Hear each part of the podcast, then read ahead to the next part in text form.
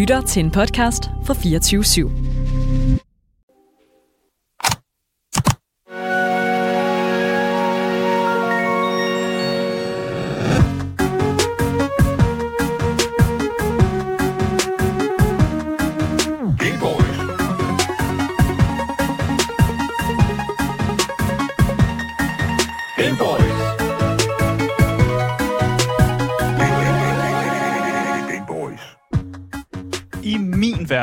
Det ikke så tit, jeg hører om den japanske mafia.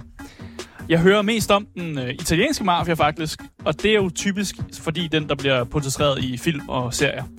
Andre grupperinger er også kommet i spil, men jeg synes alligevel, at den, den japanske, det er faktisk en af dem, som man ikke ser så meget i fiktion. I hvert fald ikke i den fiktion, som, som, som jeg bliver underholdt af. Der er dog en spilserie, som har brugt den japanske mafia som deres omdrejningspunkt. Og det er spilserien Yakuza, som nu har fået navnet Like a Dragon. Den spilserie, den bruger den øh, japanske mafia, men tilføjer også et helt lag af skørhed, som man faktisk ikke ser så tit i rigtig mange spil. Derfor har jeg virkelig set frem til spillet, jeg anmelder i dag, nemlig Like a Dragon Infinite Wealth. Den stemme, du til lige nu, det er mig, Aske Bukke Hansen. Men ved siden af mig, der har jeg min medvært for i dag, Andreas Mitjakke. Velkommen Hej. til Indie-kongen. Tak skal du have.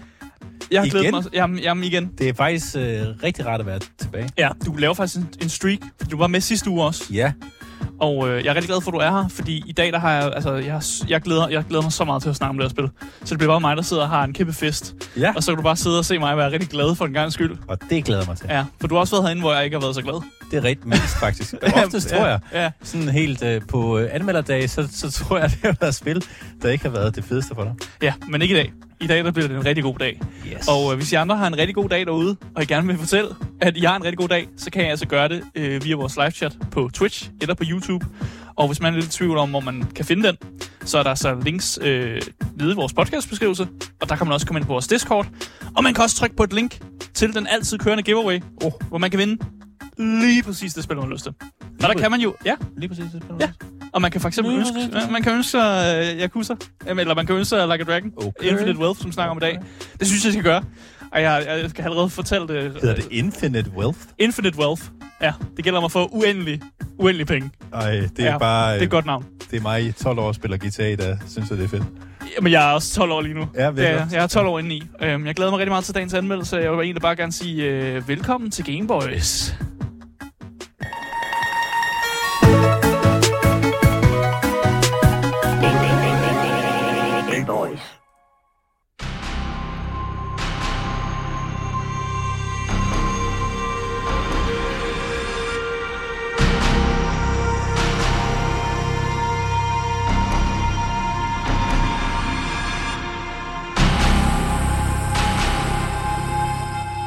Ja, yeah. Like a Dragon. Infinite Wealth. Det er øh, udgivet af Sega. Og hvis man ikke ved, hvem Sega er, så er det jo en, øh, en klassisk øh, udgiver og udvikler, som blandt andet har lavet øh, alle samtlige Sonic-spil, Ja, sådan, ja. der, spil, øh, der findes. De har også været med til at udgive øh, Persona-spillene, Total War-spillene, og mange af, Har sikkert udgivet Total War spil? Ja. Det vidste jeg ikke. og mange af Two Point øh, sådan spillene. Two Point Hospital, Campus. Ja, Campus, Two Point, alle de der Two Point-spil, der ja. Ja. findes, har de også været med til at udgive.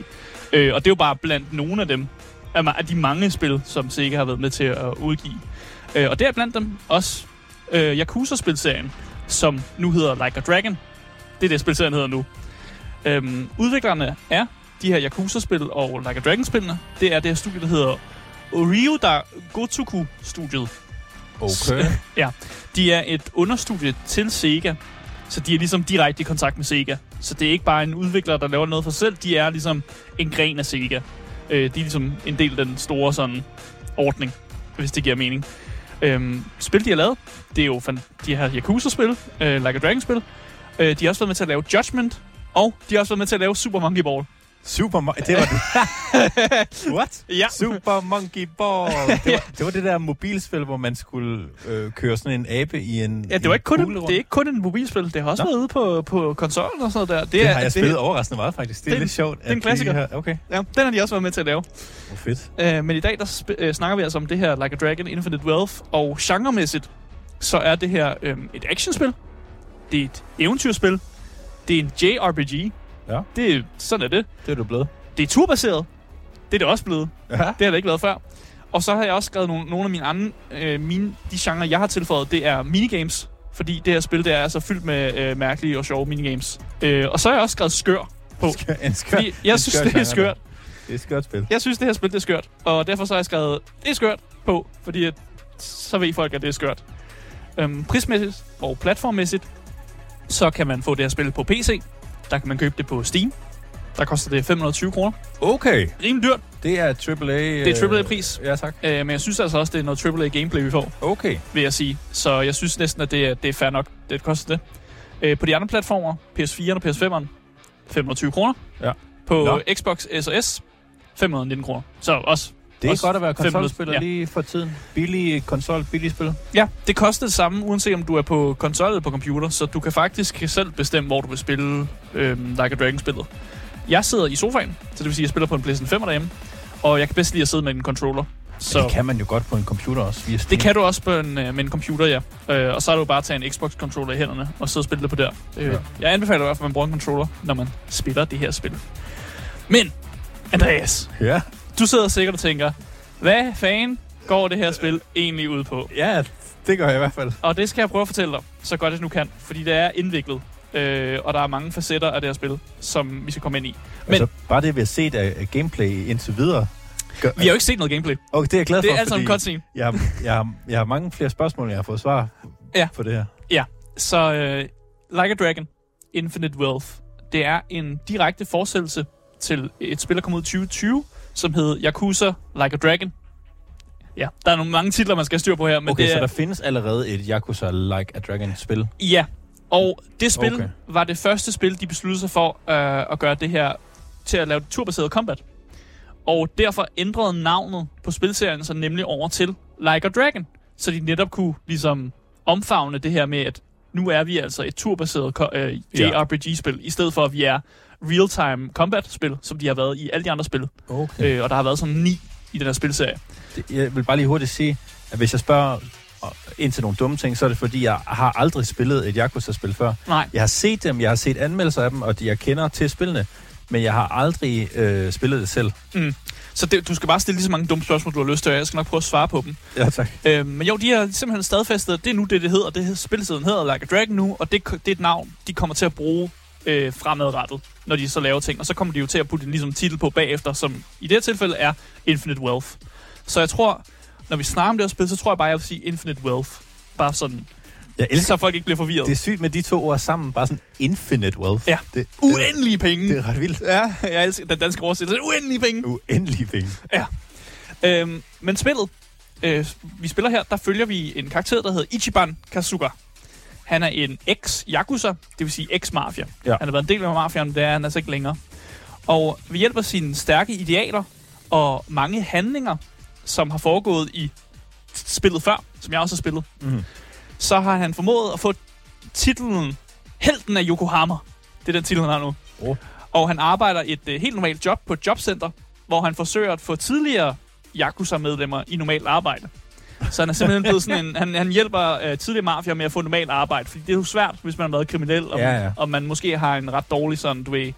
Man har måske en masse ting på sin straffeattest, og Det er super nobelt. Ja, det er super nobelt, og han er en, en, en, en skide fin fyr, fordi han gør det her. Men hans øh, fortid, den kommer krybende. Øh, den kommer krybende ind på Ichiban, og da han ligesom får mulighed for rent faktisk at møde sin mor, som han har været adskilt fra siden fødsel. Altså han har aldrig set sin, rigtig set sin mor. Okay. Så siger han jo ikke nej. Der sker en masse ting, og han vil gerne se sin mor. Men mødet med moren, mo, moren, med moderen, oh Ja. Jesus, mødet med sin mor, kræver, at han tager til Hawaii, og det er her, at størstedelen af spillet faktisk finder sted. Okay. Øh, og i forsøget på at, ligesom at finde sin mor, der støder Ichiban ind på en masse problemer. Er, er det normalt for Yakuza-spillene? Og det her er jo så i virkeligheden ikke et Yakuza-spil, men er det normalt for den spilserie, at det foregår... Det plejer at foregå i Japan, gør det ikke? Alting foregår i Japan. Alle ni spil har foregået i Japan, og mange af spillene har endda foregået i samme område af Japan. Så Okay. det her er meget nyt. Det er helt nyt Det er helt nyt, at de vælger at tage til fucking uden for Japan. at lave alting om. Ja, de ja. tager til Hawaii nu, og det er, det er jo sindssygt der. Men han møder jo en masse problemer her, og før han vil af det, så er han jo nødt til at slå igennem bander og bøller som opererer på Hawaii. Som man jo gør. Som er i meget stil med alle Yakuza-spil og Like a Dragon-spil, der findes, at man ligesom skal slå sig igennem en masse bøller og bander for at komme til tops i verden her. Har, har du lavet sådan, har du, øh, jeg ved ikke, om du har lavet sådan noget research med, hvor mange bander der er på Hawaii? Hvor mange er der egentlig på Hawaii? øhm, der er flere i spillet, end jeg tror, der burde være. Okay. Lad mig bare sige sådan, og jeg tror, de opdigter en masse ting. Men det, man skal huske ved det her spil, det er, at der er ligesom sådan en, en, en skjult kontrakt mellem mig og spilleren om, at meget af det, jeg ser, det er sådan lidt et fiktivt, urealistisk univers. Det er det, der skør kommer ind. Ja, det er sådan lidt et skørt Det er ikke univers. øh, realistisk. Og der er måske lidt, mere, lidt flere bander og, og bad guys, end der burde være. Altså, man kan knap nok gå ned ad gaden, før der er nogen, der angriber dig. Ja. Og det er, jo lidt, det er jo lidt det. Og nogle af dem, der angriber dig, det er jo ofte sådan, øh, du ved, øh, en, en mand, som har meget korte speedos på, som smører sig ind i solcreme. Det er ham, der angriber sig. Og så laver han sådan solcreme-baseret angreb mod dig og sådan noget der. Så det er meget skørt på den forsøg der. Fedt. Øh, men jeg synes egentlig bare, det er tid til at gå ind i noget i kødet den her anmeldelse. Og snakke lidt om øh, gameplayet i Infinite Wealth.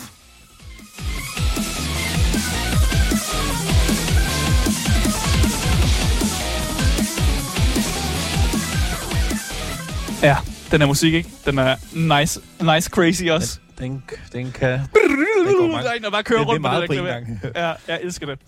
Øhm, men ja, Like a Dragon-serien, vi har været inde i det, det hedder den nu, fordi den har lavet det her turbaserede system. Og jeg er fucking vild med det.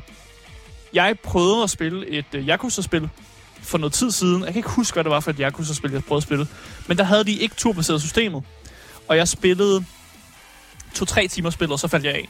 Ja. Jeg var simpelthen vild med det der real-time uh, combat-system, de havde, og jeg synes, der var, der var så mange ting, man skulle sætte sig ind i, og det der skill tree, man fik foran, så var simpelthen kæmpe kolo enormt, at jeg simpelthen jeg, jeg, jeg slog fra.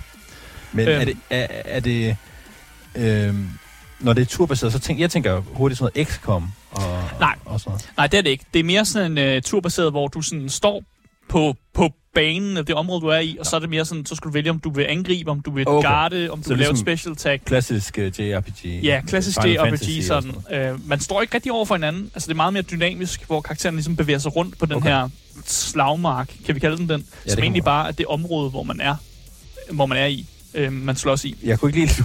Jeg lå lige mærke til på... Vi har lige set på uh, gameplayet, han, Ja. der løber spilleren rundt, og så finder han lige et stykke sushi på vejen. Ja, man, det tager øh, med. man, samler, man kan samle alle mulige kufferter og mærkelige øh, objekter, man finder rundt omkring i verden. Og det kan være sådan et stykke sushi eller noget vand eller noget. Og det er jo noget, der kan heale dig i kampen, eller det kan være nogle Okay. items, du kan sælge eller bruge til noget og sådan noget der. Fedt nok. Så det, det er lidt forskelligt, når man render rundt i den her verden. Så kan man Nej. bare finde en masse ting. Der er lige en kuffer med sushi.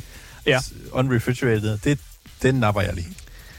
Øhm, det første, jeg vil snakke om, det er, at vi netop også her i, i lidt i introen snakkede om, at det, her, det spil, det er det første spil, der foregår uden for Ja- Japan. Mm. Og det har faktisk været lidt af et rammeskrig i fans, øh, fangruppen, Ja. som har simpelthen været sådan et, hvordan kan I gøre det?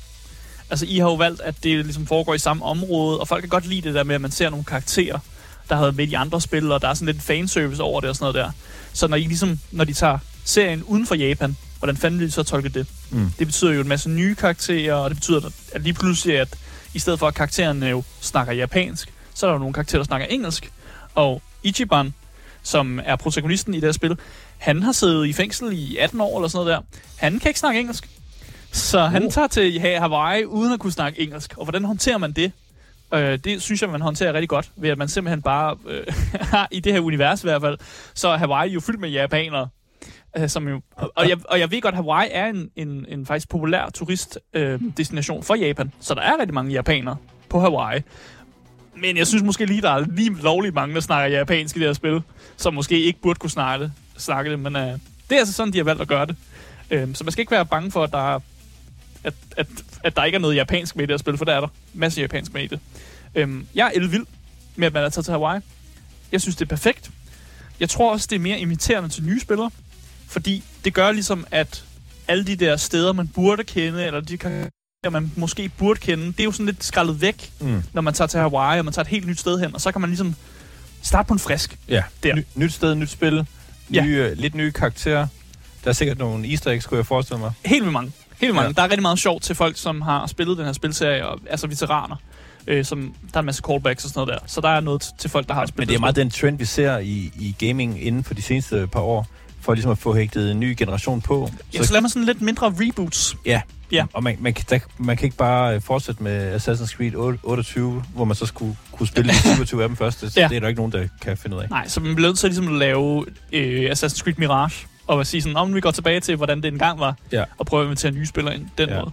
Øh, og det tror jeg er lidt men det man kan heller ikke opfinde den dybe tallerken øh, helt fra ny, så det, jeg, jeg kan godt se, hvad de gør med øh, Yakuza, og man ikke lige skal spille ni spil. Øh, men, men hvis man har gjort det, så er der stadig noget at komme efter. Ja, det er der bestemt. Øh, der er jo, som sagt, altid kan nogle kar- karakterer, der ligesom går igen for de forskellige spil.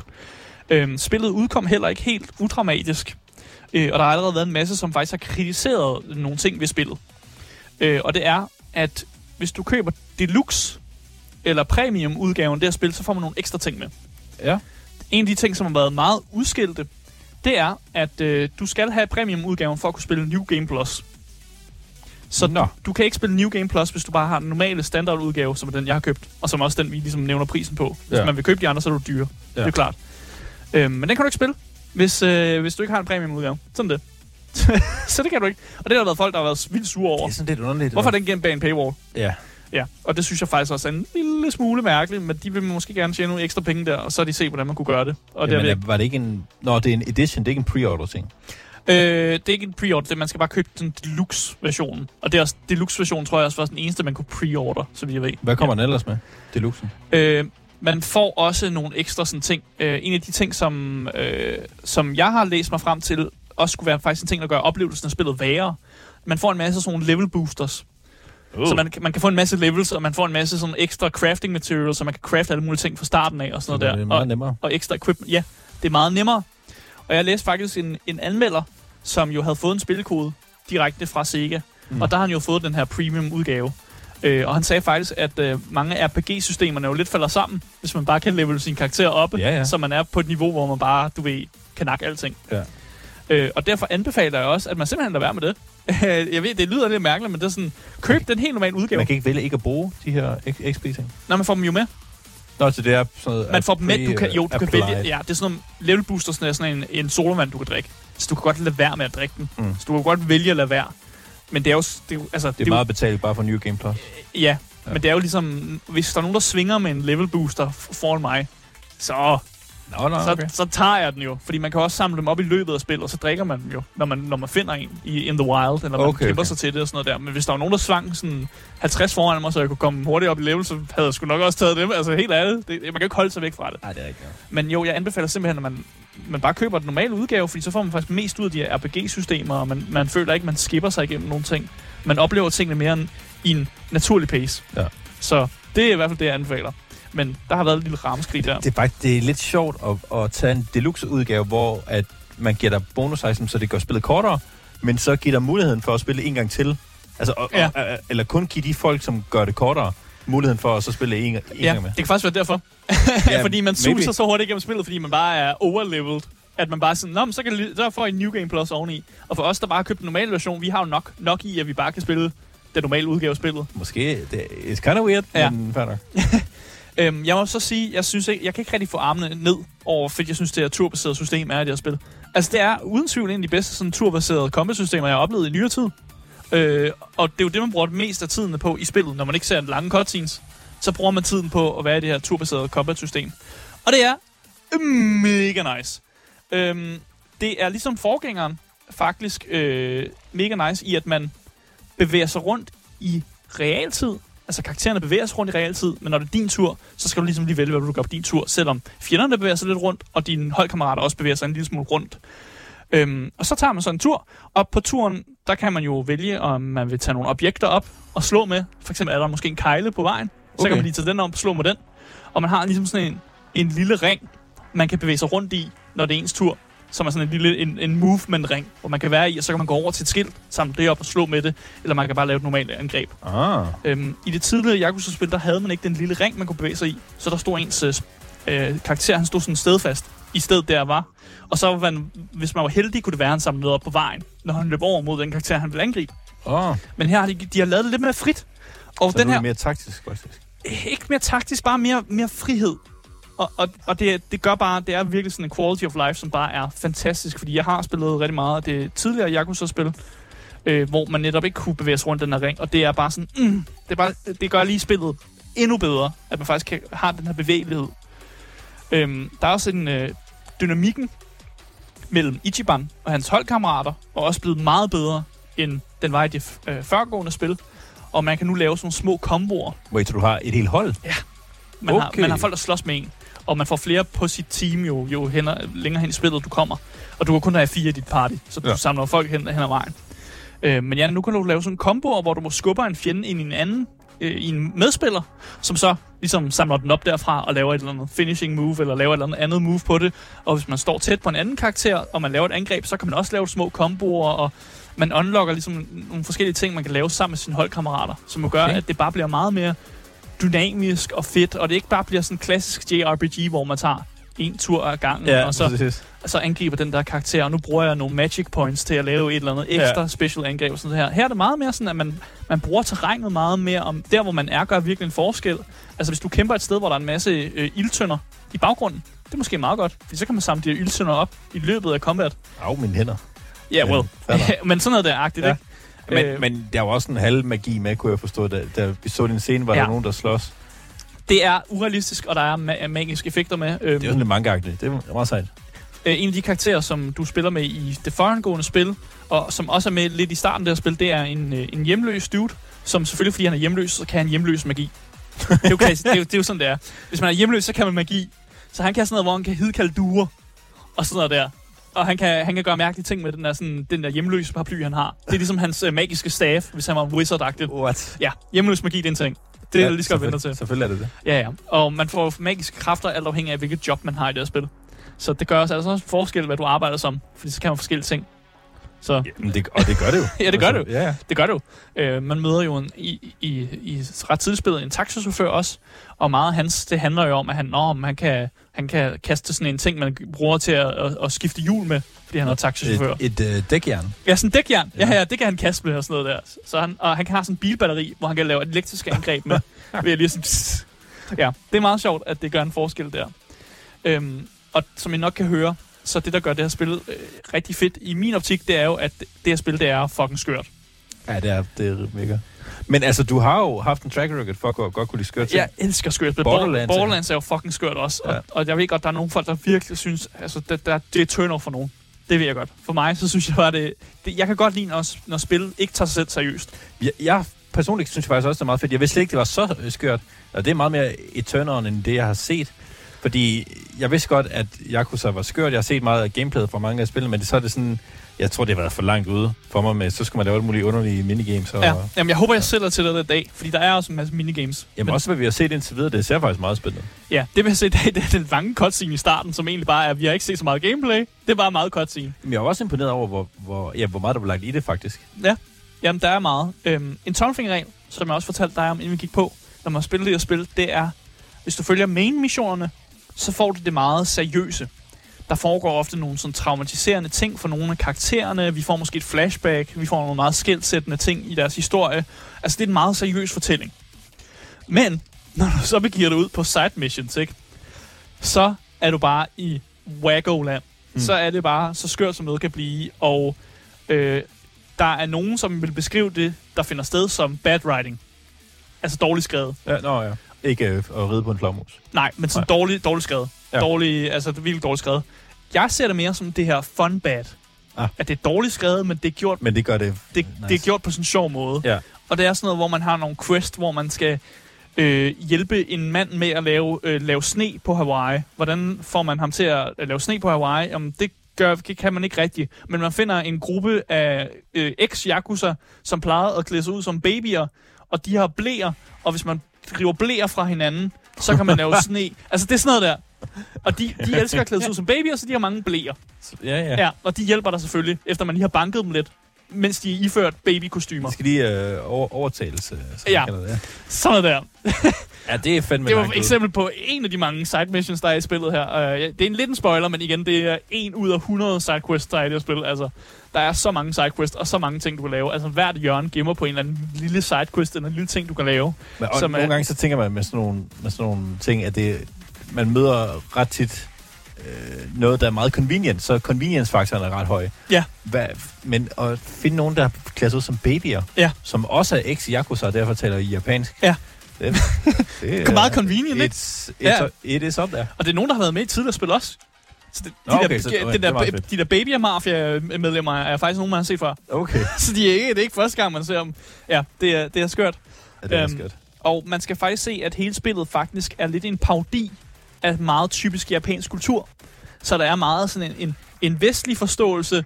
Og så ja. er der måske noget kritik i det også. Ja, der er noget kritik og noget parodi af det, at alting er sat lidt mere på spidsen. Ja. Og det her med, at åh, japanerne de er så mærkelige, fordi de kan godt lide, øh, de kan helt vildt godt lide manga og anime og sådan noget der. Og så har man sat lidt det på spidsen, og, og, og de har tænkt sådan, Nå, så siger vi, det kan vi godt. Og så siger vi, sætter vi det helt ud af spidsen. Ja. Og vi har folk, der klæder sig ud som manga-karakterer og virkelig øh, render rundt og råber sådan, ah, with the power of anime, sådan noget. Det virker, altså sådan noget, det er virkelig sat på spidsen på de der måder. Okay. Øh, og det jo bare sjovt, hvis man godt, hvis man ligesom er med på joken, Ja. hvis man er med på inside-joken, og man ikke tager det så seriøst. Ja, hvis man ikke kan se ironien i, den, i, hvad det, i det, så tager man det måske lidt, lidt for, for hårdt. Præcis. Øhm, jeg vil bare sige, at jeg, altså, lige så snart jeg spillede, startede med at spille det spil, så jeg ikke kunne slippe det. Altså, jeg er over 30 timer inde i det spil, og det er faktisk imponerende i forhold til, hvor lang tid det har været ude. Så jeg har faktisk siddet næsten uafbrudt i hele min weekend og spillet det her spil, fordi jeg simpelthen ikke kunne slippe det. Nej. Altså, det, det er så godt. Jeg er underholdt øh, konstant, og det er, altså, allerede nu kan jeg fortælle, at vi er halvvejs ind i, ind i anmeldelsen, men det er allerede en kæmpe anbefaling for mig jo. Du har ikke sådan mødt et eller andet, hvor du tænker sådan, ah, ikke det her. Igen. Øhm, jo, en gang imellem, men der er altid et eller andet sjovt i det. Okay. Øh, altså, det er, nogle gange er det meget det samme, man laver, men der er så mange minigames og så mange ting, man ligesom kan variere sit spil med. Mm. Så det er aldrig helt for meget. Altså, der er så mange ting, der bliver smidt efter dig, og du kan bare gøre det, du har mest lyst til. Ja. Så hvis der er et minigame, du ikke har lyst til, så er der ikke noget i spillet, der ligesom Jamen, jeg tænker mere på sådan det noget, værd. ligesom i, øh, i mange Ubisoft games, det er jo sådan en collectathon, hvor man lige skal finde 104 eller et eller andet pis. Og det, det, der findes også, øh, der er for eksempel et spil, hvor du skal gå rundt på Hawaii, og så skal du fotografere forskellige ting for at få et eller andet objekt. Ja. Men du kan sagtens klare dig igennem spillet uden det der objekt. Okay. Altså, så er der et andet minigame, hvor du Det får lyder da faktisk også meget sjovt. Jamen, der er et andet, jamen, der er et andet minigame, hvor du får nogle andre præmier. Og så kan du bare tage det minigame, du har mest lyst til, og der, hvor du, du, du føler, du klarer det bedst. Og du, altså, Okay, så man skal ikke... Øh... du skal ikke engage med alt det der, hvis du ikke har lyst til det. Du kan klare dig helt fint, hvis du bare gerne vil spille noget main, main mission, og kun vil da gøre det. Ja. Så er det helt fint. Men minigamesene, lad os lige tage dem. Okay. Jeg har øh, en lang liste af nogle, øh, af nogle minigames, og mange af de her minigames er, øh, er... Nogle er større end andre, selvfølgelig. Der er nogle, der er små, der er nogle, der er store. Øh, og i de her minigames, de er stort set alle sammen referencer eller parodier til andre spil. Okay. Så en af de store minigames i det her spil, det er simpelthen en uh, Pokémon-parodi. Ja. Øh, man kan, alle de her mærkelige karakterer, jeg har de her baby-karakterer for eksempel, og manden, der smører sig ind i solcreme, øh, det er det gjort til sådan et Pokémon-spil, hvor man, øh, efter man har banket dem, så er der mulighed for, at man måske kan fange dem. Ikke fange dem. Man kan give dem en lille gave, og så sige til dem, har du ikke lyst til at tage med mig? Og så bliver man sådan det, der hedder en Sujimon-træner. What? Ja, og så kan man hidkalde, What? så kan man hidkalde de her waggos og få dem til at kæmpe mod hinanden i sådan et Pokémon-parodi. Det lyder helt vildt øh, underligt. Ja. Virkelig, virkelig underligt. Ja, det er super hammerende skørt. Øh, den turbaserede combat, når man spiller de her Sujimon battles, er ikke det samme som Pokémon-spil. Så derfor holder de jo så langt nok væk til, at Nintendo ikke Nej, ja, ja. har tænkt sig at gøre noget ved det. Øh, og så er det jo bare en del af in-game-universet, at der findes så mange fucking freaks i det her univers. Hvor så er det stener? hvorfor ikke tage dem med dig? Øhm, og så er selvfølgelig i en, de, i en del af det her Pokémon minigame, så har de jo også øh, lavet gacha-elementer. Fordi Ja. de skal også lige gøre grin med gacha-spillene. Ja, ja, ja. Så man kan få sådan nogle billetter, som man putter ind i sådan en, en maskine, og så kan man få nye Sujimons. som sådan, nogle er mere rare end andre, og hvis man helst så trækker man den der ultra rare freak, øh, som man så er vildt god at have med i kamp og sådan noget der. Så det, det har jeg brugt rigtig meget tid er på. der ikke nogen grund til at spille Palworld, jo. Nej, kan nej, man kan bare spille det her, fordi det er en del af det. Øh, så har de også lavet et Animal Crossing parodi minigame, Nå. hvor man får en lille ø, man skal tage sig af. Ej, Rigtig Animal Crossing-stil. Ja. hvor fedt. Jeg er ikke nået til det endnu, så jeg glæder mig vildt meget til det. Det er noget, der kommer lidt sådan senere hen i spillet, men Ja. jeg har altså ikke nået til det endnu. Øhm, glæder mig til det. Jeg har hørt om det, jeg har set en masse gameplay fra det, og det virker fucking sjovt også. Øhm, så er der også øhm, et internet dating minigame, Okay. hvor du laver en sådan Tinder-profil-agtigt, og så laver du sådan en minigame, hvor du skal prøve at finde Tinder-matches. Det er øhm, lidt mærkeligt. ja, jeg gerne Nå, sige. Okay, ja. Det er rigtig sjovt at lave det her profil, fordi man kan skrive, hvad fuck man har lyst til. Man kan skrive, jeg er doktor, og jeg leder efter nogen, der godt kan lide at lave mad. Men det, som gør mig lidt ukomfortabel ved det minigame, det er, når man har fundet et match, og hvis det lykkes en at match med nogen, så er der lige sådan en, en mærkelig cutscene, hvor enten så er det så skrevet med en dude hele tiden, eller en kattekilling, eller en, hylde, en, en høne. Så er du bare blevet catfish. Ja, Fuldstændig. men der er også en gang imellem, hvor det rent faktisk er en ægte person. Og så skifter det fra at være gameplay, øh, altså game, in-game øh, cutscenes, vi ser, til at være en rigtig person. Altså en rigtig kvinde, som står sådan halv let, let påklædt og siger nogle meget sådan øh, seksuel innuendo-agtige ting til dig. Og det er sådan lidt ukomfortabelt, fordi jeg føler, at de her skuespillere, der man har sat til at gøre det, de, det er som om, de ikke helt er med på det og sådan noget. De, de virker bare ukomfortable i det. Og jeg sidder bare og kigger på det sådan lidt... Øh, det er mærkeligt det her. Og, nu ligger hun så over i sengen og, sådan, og laver sådan en, en suggesting pose, mens hun ligger og siger, oh, nej. kunne du ikke godt tænke dig at, at ligge her lidt i sengen med mig? Og det er sådan lidt, det er sådan lidt, man er- bliver lidt ukomfortabel over det. Og jeg kan ikke helt forstå, hvorfor de har valgt at gøre det på den her måde. Det var også fordi, du forventede, at det var en kat. Ja, eller, eller, men eller. jeg synes, det var rigtig sjovt de første tre gange, hvor der bare var en dude, Ja. der var der, hvor det var en fed dude, og så var der en gammel mand, og så lige pludselig var det en høne, hvor, han, hvor ham der Ichiban også var sådan, hvordan har du overhovedet kunne bruge den her app? You are chicken!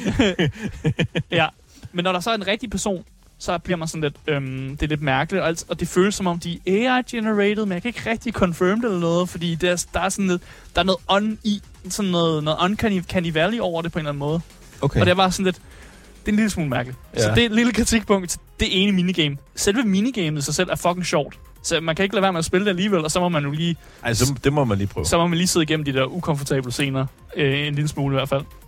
Så er der også et billedtagningsminigame. Det var det, du snakker om, hvor man skal gå rundt på øen og tage billeder. Ja, Ja. Og, og man kan også køre rundt i sådan nogle trolleys. Og når du kører rundt trolleysene, så skal du tage billeder af, af, af, af freaks.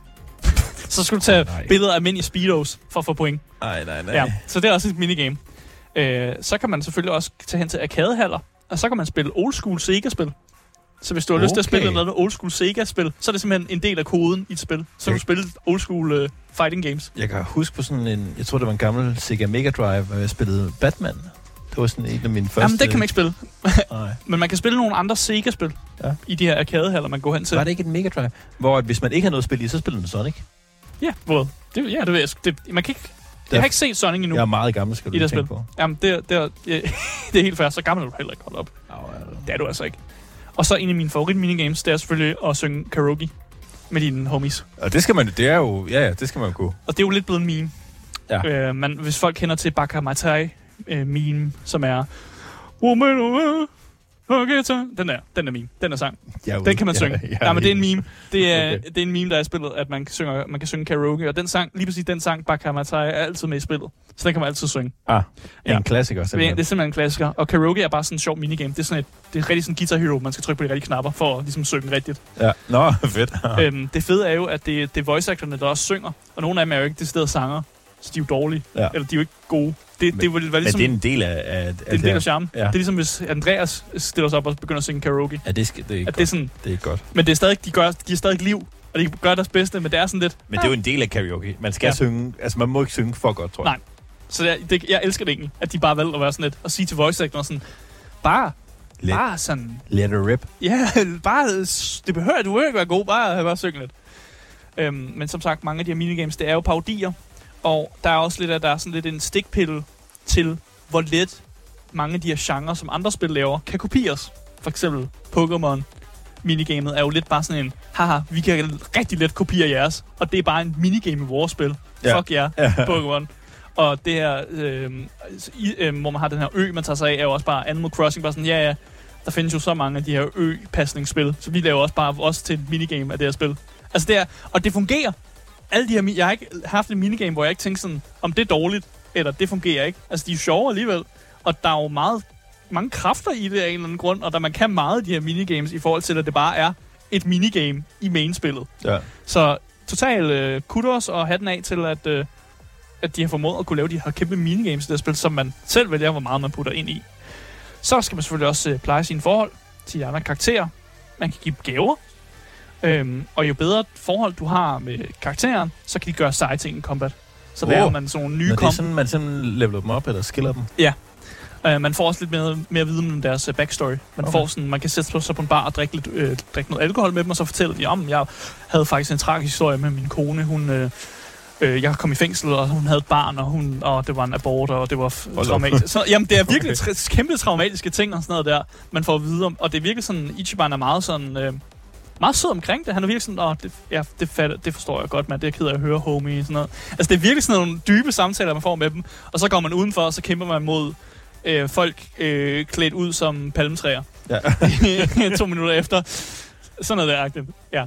Så der er sådan lidt skift i, sådan, øh, i tonen. I seriøsiteten. Ja, og tonen.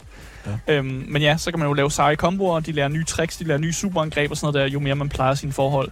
Øh, man kan også tage hen til steder, som er vigtige for den her karakter, og så fortæller de noget med deres backstory. Man kan for eksempel tage hen til et sted, hvor de sælger øh, mangaer, og så er der en karakter, der fortæller, åh, jeg elsker mangaer.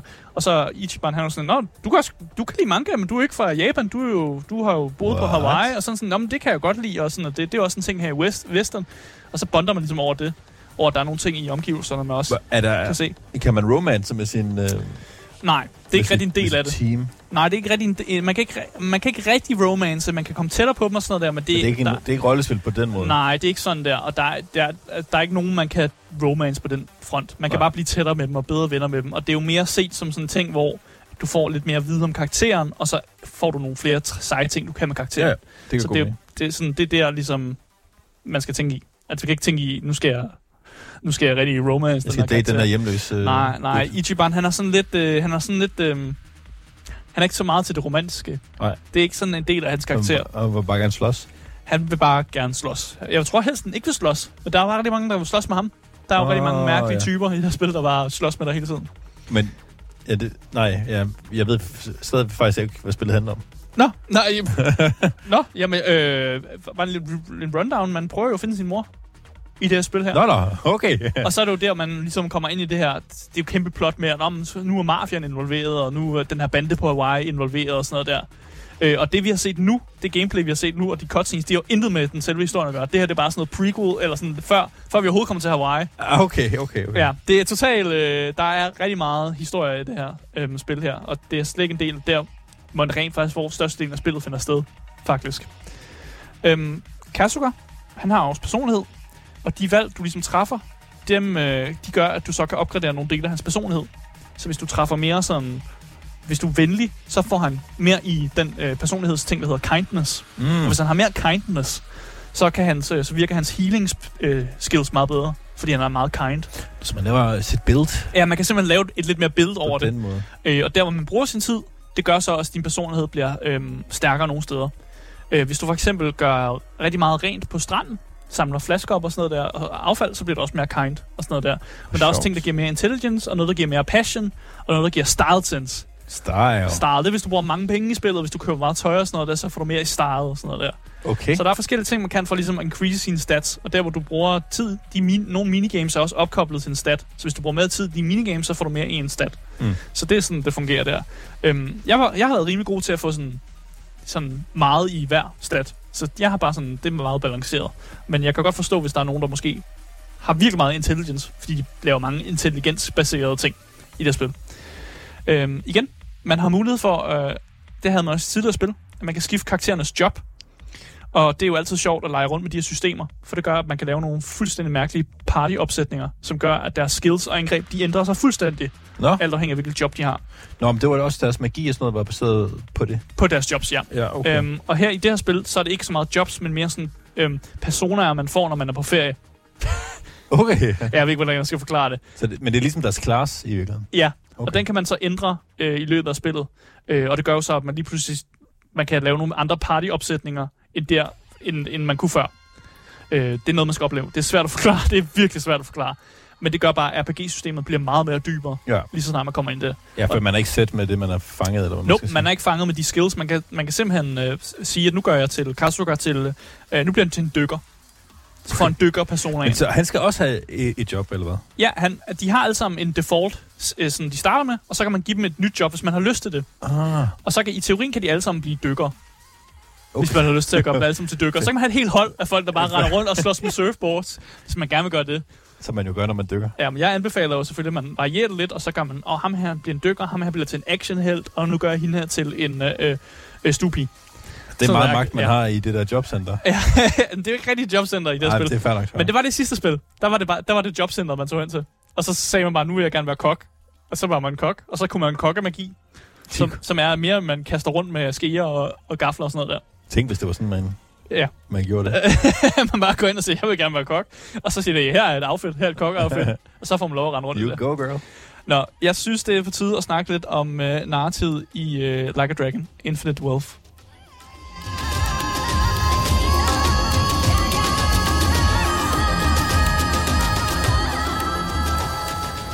Ja, jeg er ked af, at du fanger så meget i, øh, i gameplayet, men der var meget at snakke om. Det Du har også snakket allerede varmt om nar- narrativet. Ja, det har jeg. Det kan være lidt svært at følge med. Nå, det synes du? Ja, hvis man ikke har spillet øh, det forrige spil, der hedder Yakuza Like a Dragon, så kan det være svært at følge med i rigtig meget af det, der sker. I hvert fald i starten. Lige så snart man kommer til Hawaii, så er det sådan lidt clean slate. Men alt det her, vi har set i dag for eksempel, det kan være fucking svært at følge med i. Og det tror jeg måske også, du er meget formidlet på over på. Ja, jeg har givet op. Ja, det er også fair nok. Øh, der er mulighed for, at man kan gå ind, når man er på Hawaii, og gå ind og reminiscing. Der er sådan en, en bog, man går hen til, og så får man nogle tilbageblik Mm. fra tidligere historier. Og så kan man ligesom catch up på den måde i, i noget af den tidlige historie der. Øh, som sagt, når man kommer til Hawaii, så bliver det hele ligesom rent, og man møder nye karakterer, der aldrig har været en del af universet før. Og det gør selvfølgelig også nemmere at ligesom danne et nyt indtryk, fordi det er nye historier og nye karakterer. Mm. Og man behøver ikke at vide noget i forvejen om de her karakterer. Clean slate. De elsker knudehistorier i det spil. Det gør de simpelthen. Og øh, de mestrer i at lave de her mærkelige twist. Jeg tror, jeg har jeg sagt det, eller var det før programmet, vi gik på? Vi snakkede lidt om før på programmet. Og det er de her twist med, at man går hen til en person, og så slås man mod dem. Og så er det bare sådan lidt, "Åh, jeg er faktisk din far. Eller, ah, eller den karakter, du har kæmpet med, What? vi er faktisk brødre. Eller, "Åh, jeg er faktisk i forklædning. Jeg har bare fået lavet vildt meget plastikkirurgi. Så jeg var i virkeligheden din, din søn. Men, men nu ligner jeg en anden. Sådan noget der. Det, det laver de masser af i Yakuza-serien og Like a Dragon-serien. Det, det giver da meget, meget hurtigt meget kompleks uh, sådan familietræ. Ja, og jeg tror bare, at jeg har bare en idé med, at de opfinder historien hen ad vejen. Og det er derfor, det bliver nogle gange sådan lidt, ah, jeg var faktisk din far! at det er sådan noget med, at de laver historien. Og jeg synes, jeg synes bare, det er sjovt. Det kan godt nogle gange falde lidt til jorden for folk, hvis det, fordi det bliver ved med at ske, de her mærkelige twist jo. Øh, og hvis man ikke er bekendt med, at det, det spil er laver, så kan man også, måske også tænke sådan, det er da godt nok dårligt skrevet. Men igen, det er bare sådan lidt paudi, og det er sådan lidt sjovt. Og det er sådan lidt bare sådan mærkeligt, at alle bare på en eller anden måde er sådan twistet ind i hinandens historier, med at det er bare sådan, Nå, vi kender faktisk hinanden herfra, eller what? Er det i virkeligheden, fordi mit, min, ham, jeg var sammen med, da jeg var i banden, han er faktisk din brors mor, altså, altså, sådan noget der. Mærkeligt, sådan en mærkelig ting. Det er, en ret lille, det er faktisk en meget lille gruppe, der er meget tæt Ja, ja, åben, ja, lige pludselig finder man ud af, at man var, wow, vi kender Vi hinanden er alle sammen i familien. der. sådan noget der mærkeligt noget. Ja. Ej, det lyder virkelig øh, sjovt. Det er bare et eksempel. Ja. Øhm, vi render også meget hurtigt ind i en karakter, der hedder Kazuma. Og han er faktisk protagonisten i nogle af de andre spil. Ah, Så han er der ligesom sådan en fanservice. Øh, men i virkeligheden så er han også på coveret i spillet. Der ser man Ichiban, og så ser man ham og Kazuma faktisk sådan de er delt på coveret.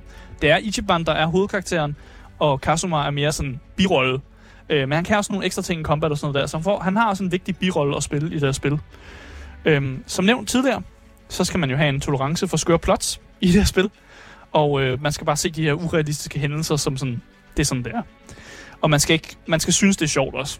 Så du skal være lidt 10 år ind i hovedet, ligesom Ja. jeg er, ja. for at ja. synes, det er sjovt. øhm, og det er det, der hedder Fun Bad. Og hvis du ikke kan lide Fun Bad, så det er også helt fair. Så er det ikke det spil Og jeg for, har også læst nogle anmeldelser, som river det her hul, øh, øh, spil et røvhul for historien. Ja. Fordi de synes jo, det er jo, de kan ikke lide den her måde at fortælle historien på. Hvorfor gør det ikke bare seriøs? Ja. Fordi spillet er rigtig god til at fortælle en seriøs historie, når det ved det. Men det, nogle gange sådan, det nægter bare nogle gange at være sådan seriøs. Øh, og det kan jeg jo godt lide, at det, at det kan begge dele. At det kan være virkelig hjerteskærende, og der kan være nogle virkelig ømme ting, og Ichiban kan vise fra sin bedste sider. Og i det andet øjeblik, der banker han øh, folk, der ligner badebolde. sådan noget der. Jeg synes, det er meget sjovt, at lige sådan er op og markere og siger, det, er, det, det kan vi sagtens, men det, det gider vi ikke. Øh, og jeg synes også, at Ichiban han er en fantastisk karakter med et, øh, et hjerte af guld, faktisk. Han har sådan en urokkelig optimisme, og han er helt vildt forstående. Altså, alle karakterer, han møder, det var sådan et, oh, okay, du røvede mig med en pistol, øh, men det gjorde du jo kun, fordi at du øh, har været i fængsel, og du har faktisk prøvet at sørge for din familie, du har ingen andre udveje, du sidder faktisk i det med den her bande her. Så det er okay, lad mig hjælpe dig. Øh, emp- Ja. em- empati, tror Ja, jeg. lad mig hjælpe dig. Vi får dig ud af det her. Og hvis du lader være med Ja. at røve mig, så kan vi faktisk komme igennem det sammen. Sådan noget der. Han er virkelig sådan, han er, han er, hvis man skulle lave en alignment chart på ham, så er han lawful good. Men den perfekte lawful good karakter, fordi han bare, han forstår dig virkelig godt, og han vil dit bedste, og han vil gerne have, at du redeemer dig selv. En og moderne paladin. han er en moderne paladin, men spillet på en god måde. Ja. Spillet på den bedste måde, faktisk. Øhm, så er der selvfølgelig også mange af de her samtaler, man har med sine holdkammerater, som er super nede på jorden og føles meget realistiske, men kan også være meget tunge på nogle punkter, men også en god måde at, at, at lære folks backstory på, og det synes jeg bare er der en, noget til narrativet også, at man selv kan bestemme, hvor meget man dykker ned i de forskellige karakterers backstory. Man får en lille smule ved at følge main storyen, men man kan få meget mere ud af det ved rent faktisk at øh, give nogle gaver. Giv nogle gaver til dine holdkammerater, tage dem nogle steder hen, de godt kan lide, og så får man meget mere ud af de her karakterer. Det er meget fedt. Så jeg synes egentlig også, at narrativet er ret godt, øh, hvis man godt kan lide det skøre og det mærkelige.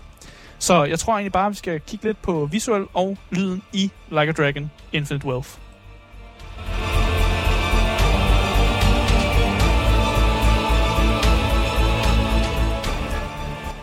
Så visuelt, hvis man aldrig har set, hvordan et øh, Yakuza eller Like a Dragon-spil ser ud, så er det godt en stil, der kan føles lidt old school, faktisk.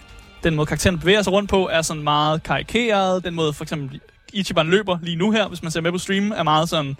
Det føles meget old school på en eller anden måde. Mm. Øhm, og så kan folk godt være lidt glaseret i de her cutscenes. Det Ja. ser meget glazed ud. øh, og nogle gange har man svært ved at aldersbestemme folk. Øh, Ichiban skal jo forestille at være midt i 40'erne, og jeg får bare alligevel, jeg får en, en jeg, han virker bare yngre, Jamen, end han faktisk er. Japaner. Ja, Er det ikke sådan en jo, måske, det kan godt være. stereo, stereotyp, en stereotypisk sådan, øh, øst-asiatisk ting? Der er virkelig bare sådan, enten så ser karaktererne bare unge ud, eller så ser de virkelig gamle ud. Ja. Så det er enten så er du sådan, du er 80 år gammel mand, eller så er du, ser du ud som om, du er måske i dine 20'er. Ja, Der er sådan, det der i mellemstykke er sådan lidt svært. Øhm, og det kan godt lidt off-putting en gang imellem. Øhm, nogle steder øh, føler man jo, at man spiller et øh, spil, som er 20 år, 10 år gammelt, netop på grund af de, meget det visuelle stil. Men det er også fordi, det skal kunne så meget. Så jeg tror måske, man har valgt at gøre det på den måde, så koden kan mere. Det er vel også bare deres stil. Det er bare deres stil også, ja. Det, Det, det er bare sådan der. det samme i de andre spil. Øh, jeg er vild med de små cutscenes, som er, når man laver minigames, eller andre uvigtige ting faktisk. Jeg er næsten mere vild med dem, end de main story cutscenesene. Okay. Øh, en af mine yndlings, det er for eksempel, når man går ind i de her Sujiman-kampe, altså Pokémon-parodi-kampe, Ja. så er der sådan en lille cutscene, hvor man ser sine Sujimans, der laver sådan en, øh, sådan en, som om de går flyver ind i kamp og sådan noget der. Øh, og når man har vundet en kamp, så tager de et, et fælles, billede, fæl, fælles selfie sammen Nå, med karaktererne også, og det synes jeg også er super charmerende og sjovt. Øh, så mange af de små cutscenes, man får, er faktisk ufattelige. Jeg kan, jeg kan godt lide dem. Det er lige for det et spil i sig selv. Altså. Ja, det er det faktisk. Øh, musikken, den er totalt banger. Øh, og meget af det er sådan noget battle-musik. Mest af soundtracket er bare battle-musik. Ja. Øhm, og det er mega godt, for den ændrer sig jo alt afhængig af, hvor du kæmper, hvem du kæmper med, hvilke chapter du er i spillet. Altså, der er en masse ting, der ligesom, om du kæmper mod en boss, om du kæmper mod manuelle ghouls, sådan noget der. Der er virkelig meget musik i det her spil, og det er, jeg synes altid, det, det, det får det, mig i gang. nu, det er fra spillet, ikke? Alt sammen forsølvet. Ja. Og det er Ja. jo meget episk og storslået. Ja, det er meget episk, og nogle gange Ja. kan det også være mærkeligt. Og virkelig, der er mærkelige Okay. instrumenter, og sådan, du, du, du, sådan klovnemusik nærmest. Okay, okay, okay. Ja, ja, så det kan det hele. øh, og det er stort set altid passende, synes jeg i hvert fald. Voice actingen, af en eller anden grund, så er voice acting i Yakuza-spillene fucking fantastisk. Og, og så, der er nogle voice actor, hvor jeg kender nogle af dem på navn. Og de voice actors, Matthew Mercer for eksempel, Ja. han har Er han med i det? lille bitte birolle. Nå. Men når han, er, når han er med, så er det bare sådan et, fuck mand, så kæmpe god performance og sådan noget der. Men, men sådan, det, der er virkelig nogle store voice act navne, som bare har fået små biroller, som bare fucking tear it up. Øh, og- dem man så hører mest, altså Ichibans uh, voice act er også fantastisk. Og jeg synes virkelig, at øh, det, det er jo, jeg, jeg ved ikke, hvordan de gør det. Det, det er altså god. Det er virkelig god voice acting, og, øhm, og igen, der er noget direction der, der bare spiller, og jeg tror også, der er en passion bag dem, der laver voice acting, at de vil, de vil gerne den her serie virkelig meget. De skal øh. lige synge lidt, og så er det ellers klar. Ja, men synger dårligt. Ja, ja. Fordi det, og det er det, det er det der med, at man, man også ved, hvornår man ikke skal lave perfekt sang. Eller Ja. man ved, hvornår man- voice acting godt må være lidt dårlig, fordi Det det, er jo- giver bare en bedre stil. Det siger jeg ofte til mig selv. Jeg, det, jeg vælger ikke at lave perfekt sang den her gang. Nej, men det kan man jo godt, hvis man er talentfuld. Ja, det er og, ja, og, og, og rigtig god til voice acting arbejde. Men det er virkelig, altså det er noget godt noget. Øhm, og og de, altså jeg vil bare sige, de æder, de æder det op, for at bruge sådan et meget ungt, ungt måde at sige det på. They're eating it up, they're tearing it up. Ja. Det er virkelig god voice acting. Øh, jeg kan også godt lide, at man bruger det visuelle og lyden på en meget komisk måde. Altså der er meget det her med, når nogle gange, når man ser en cutscene, når der er nogen, der får sådan en knytnæve i hovedet, så er det meget sådan, jeg ved ikke, hvordan jeg skal beskrive tegnefilmsagtige knytnæveslag. Altså, sådan noget, øh, kung, sådan, du ved, sådan kinesisk kung fu. Øh, Ja. Ja, men sådan noget virkelig, hvor man tænker, ah, det var da godt nok en sjov lyd, der kom. Det er ikke sådan, det lyder, når man rigtig bliver ramt af en knytnæve. Nej, nej. Men jeg kan godt lide det. det. Det giver den her komiske stemning, og de bruger også mange af sådan nogle visuelle elementer forkert for netop at fremme det komiske. De er vild med mærkelig slow motion. Nå. Og det er sådan noget med, at der er en karakter, der er ved at blive ramt med en kokosnød. Og så Ichiban i slow motion. Nej, uh, når lige at hoppe ind foran. Okay. Okay, og det er sådan noget, det sker tit, at der er de her mærkelige sådan slow motion elementer, som ser, det ser fucking dumt ud hver gang. Men det er sådan lidt sjovt på en eller anden måde, og det, det er bare, man har bare valgt ligesom at, at, at kærtegne den her komiske stil og gøre tingene på. Og nogle gange må det også være meget kliché og meget sådan en, ah, det er, det er sådan noget, man ser i anime også, og sådan noget, de her mærkelige kliché-agtige ting, og det har vi valgt også at gøre i vores spil. Det lyder da til, at de har hygget sig med at lave det, dem der har, dem, der. Jeg tror, de har rykket sig øh, rigtig meget med at lave det spil, og rigtig meget med at også dem, der har siddet og lavet lyden og siddet og lavet musikken, har virkelig bare sådan, I kan bare gøre, what the fuck I har lyst til. Har I lyst til at lave et eller andet klovnenummer, så finder vi et sted, hvor det passer. Har I lyst til at lave noget episk sådan orkestermusik, vi finder et sted, hvor det passer. Sådan noget virkelig, altså det kan, det kan så mange ting, Jamen, det, det, virker, det virker nemlig til at være sådan meget passion project, hvor at, at de, dem, der har lavet det, de, de ligesom har fået nogle skøre i, idéer, Ja. man har fået lov til at lave dem, og så fungerer det bare. Jeg tænker, de har sådan en whiteboard, hvor de bare har skrevet alle deres idéer på, Ja. og så i stedet for at tage de gode idéer, så, vi, så har de bare sagt, vi tager dem alle. Hvis, ja, Vi tager dem alle. Alle får en sidequest, fordi ingen der er idé er dårlig nok. Nej, men der er Let's sådan do it. 100 sidequests eller sådan noget der i spillet. Altså, det er, alle idéer er bare taget. Og som sagt, man kan virkelig godt tænke, det her der var da godt nok en rigtig dårlig sidequest, i, historiemæssigt. Men hold kæft, hvor var det sjovt alligevel. Ja. Fordi det er bare sådan lidt, det giver ingen mening alt det her, men det er bare, det, ja, nu kæmper jeg, nu står jeg og snakker med en ko, hvad sker der? Altså sådan noget der. og sådan, su- der er sumobrødre over det hele. Så Hold de er altid problematiske, sumobrødrene. Øhm, men jeg tror egentlig bare, at øh, det er tid til at finde ud af, om øh, man skal løbe eller købe, når det kommer til Like a Dragon Infinite Wealth.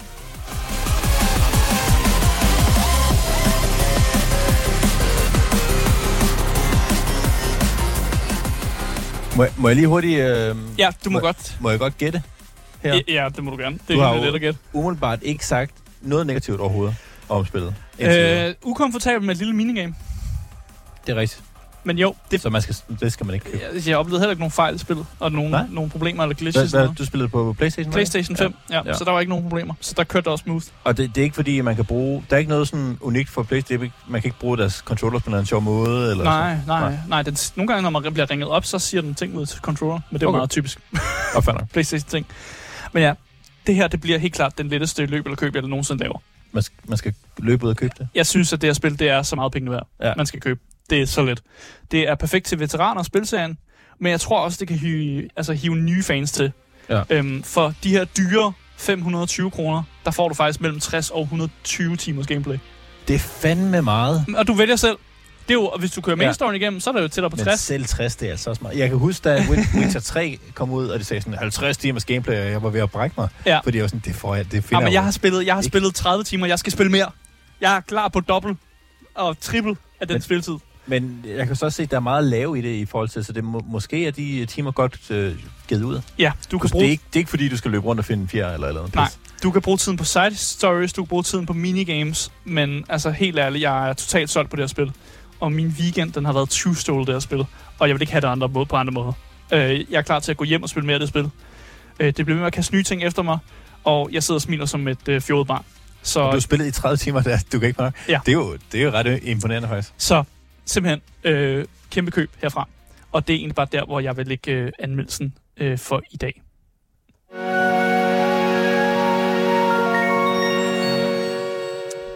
Tusind tak for at lytte med. Det var altså øh, alt, hvad vi havde for programmet for i dag. Øhm, husk at følge podcasten overalt, øh, så viser du aldrig en anmeldelse eller et interview nogensinde igen. Hvis du vil i kontakt med os, så kan du finde øh, en masse links nede i vores podcastbeskrivelse, og sammen med et link til vores altid kørende giveaway, hvor man kan vinde lige præcis det spil, man har lyst til, men jeg anbefaler alligevel, at I måske vælger det her spil. Fordi... Like a Dragon, uendelig mange penge. Uendelig mange penge, fordi det er så sjovt.